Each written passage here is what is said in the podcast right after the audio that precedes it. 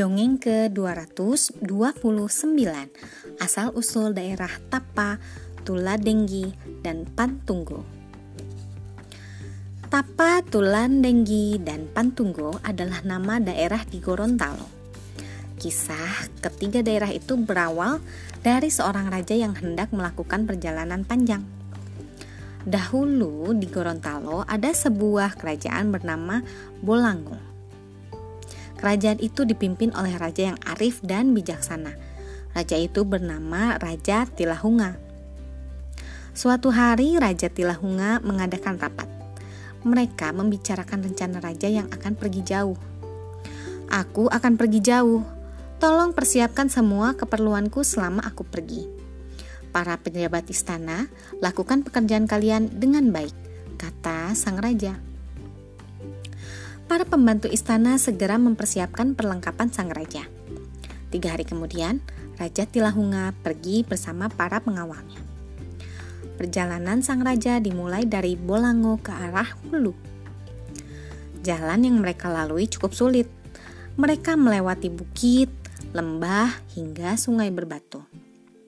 Ketika melewati sebuah bukit, sang raja memutuskan untuk beristirahat di sana.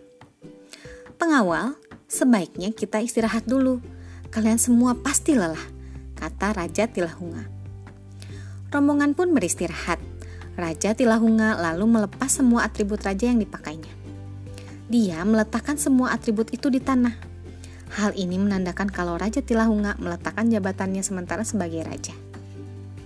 Sejak saat itu, bukit itu dinamakan Bukit Tapa. Kata Tapa berasal dari Tapa Topo, yang artinya meletakkan atau menitipkan suatu jabatan untuk sementara waktu. Setelah istirahat, mereka melanjutkan perjalanan. Tanpa terasa hari sudah siang. Udara juga terasa sangat panas. Rombongan mulai merasa haus dan lapar. Ketika melewati padang rumput yang luas, sang raja memutuskan untuk berhenti. Pengawal, sebaiknya kita istirahat dulu di sini. Kalian semua pasti lelah. Duduklah dan makan bekal kalian. Kata Raja Tilahunga. Rombongan itu pun beristirahat. Mereka memakan bekal yang dibawa. Namun ada satu pengawal yang rakus. Dia bernama Denggi. Denggi meminta bekal pengawal lain dan memakannya dengan lahap. Melihat hal itu, para pengawal mengadukannya kepada sang raja. Raja Tilahunga lalu menenggur Denggi dengan baik-baik. Akhirnya, Denggi merasa malu dia juga meminta maaf pada pengawal lainnya. Sejak saat itu, padang rumput yang luas itu diberi nama Tula Denggi.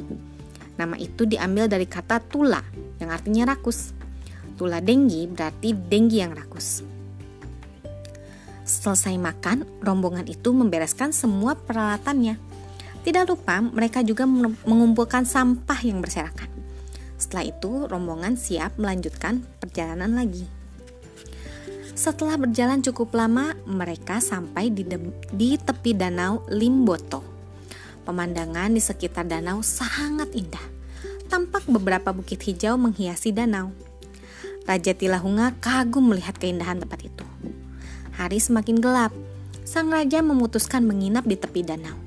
Dia juga berencana membuat sebuah kebun di sana. Pengawal, tempat ini sangat indah. Aku ingin membuat kebun di sini, kata Raja Tilahunga. Keesokan harinya, para pengawal segera mengambil peralatan berkebun. Ternyata banyak juga peralatan berkebun seperti cangkul, kapak, dan gergaji yang tangkai pegangannya rusak. Mengetahui hal itu, Raja Tilahunga pun memberikan nama tempat itu dengan nama Pantungo. Pantungo berarti tangkai pegangan alat berkebun. Para pengawal kemudian memperbaiki peralatan berkebun. Setelah selesai, mereka langsung bekerja membuat perkebunan. Karena tanahnya yang subur, hasil kebun itu melimpah. Ikan di Danau Limboto juga banyak dan besar-besar.